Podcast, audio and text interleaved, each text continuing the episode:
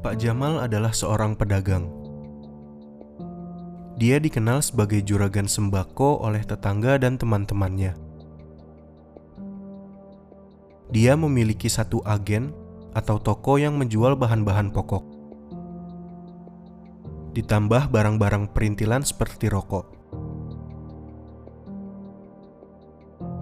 Pak Jamal terbilang sederhana Meskipun sudah puluhan tahun menggeluti usaha, ia tak banyak beli-beli barang tak penting. Ia suka menolong saudara dan tetangga yang sedang membutuhkan. Sisanya baru ia simpan. Andai saja Pak Jamal memilih gaya hidup berbeda, mungkin rumahnya sudah belasan tingkat dengan jajaran mobil sport di parkiran. Usaha yang terlihat kampungan ini tidak sembarangan. Omsetnya bisa puluhan hingga ratusan juta tiap bulan. Hari ini, anaknya sedang berulang tahun. Istri Pak Jamal ingin memberikan sebuah mobil baru. Tak apalah, sesekali ia diberikan hadiah spesial.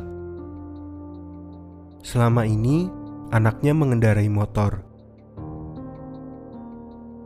Sesekali meminjam mobil kijang tua bapaknya saat membutuhkan saja. Pak Jamal tidak langsung memberi jawaban. Setelah kembali dari toko, Pak Jamal cerita ke istrinya. Uang yang selama ini disimpan, banyak yang hilang entah ke mana. Tak ada yang tahu tempat simpan uang termasuk sang istri. Tempat itu adalah rahasia Pak Jamal seorang diri. Pak Jamal merasa curiga dengan anaknya. Mungkin selama ini si anak mengetahui tempat rahasia. Ia diam-diam mengambil uang tanpa ketahuan. Tapi sang istri tak percaya Anaknya bukan orang yang hidup bermewah-mewahan. Gaya hidupnya juga persis sama seperti orang tuanya. Sederhana apa adanya saja. Tapi Pak Jamal merasa janggal. Bertahun-tahun menyimpan uang, kenapa bisa banyak yang hilang? Mungkin setiap saat si anak butuh uang tambahan, dia bisa langsung ambil dari sana. Makanya, dia selalu anteng tak pernah minta apa-apa. Istrinya pun mulai sedikit mendengarkan perkataan suaminya. Tapi tetap saja, ibu adalah ibu. Hati nurani tak yakin anaknya bisa berbuat seperti itu. Pak Jamal akhirnya mengajak ibu untuk bertamu ke tempat saudara jauhnya. Sejak lama, saudara Pak Jamal dikenal sebagai orang berilmu. Bukan sembarang sakti yang suka nyembur pasien dengan segelas air putih. Tapi orang yang rajin ibadah dan dipercaya banyak orang.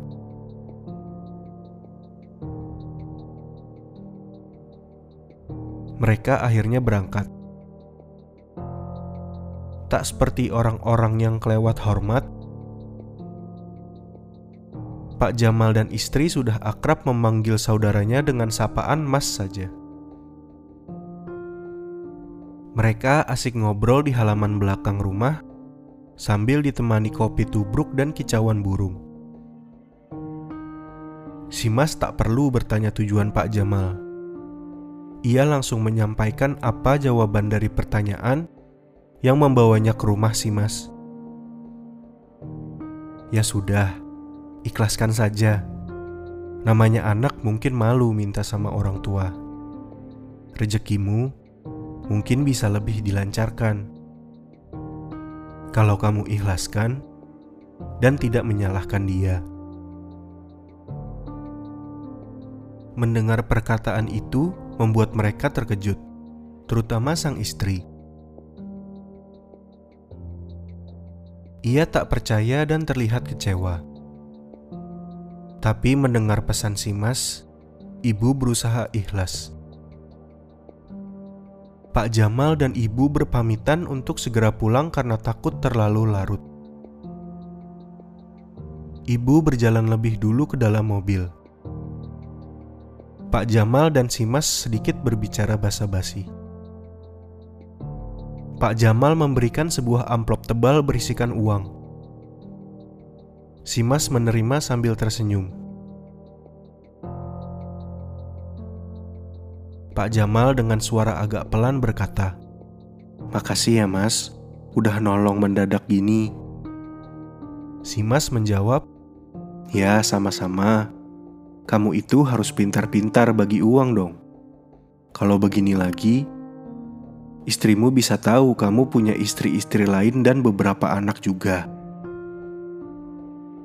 Pak Jamal membalas, "Iya, Mas. Itu anak-anak udah pada besar. Harus nambah toko biar aman." Ya sudah, saya pamit. Makasih, Mas. Iya, sama-sama, jawab si Mas. Pak Jamal dan istri jalan pulang. Sang istri hanya terdiam sepanjang perjalanan. Pak Jamal hanya memberikan sepatah dua patah kata untuk menenangkan istrinya dan memintanya tidak memarahi anaknya. Sang istri pun nurut dan berusaha membuang rasa kecewanya.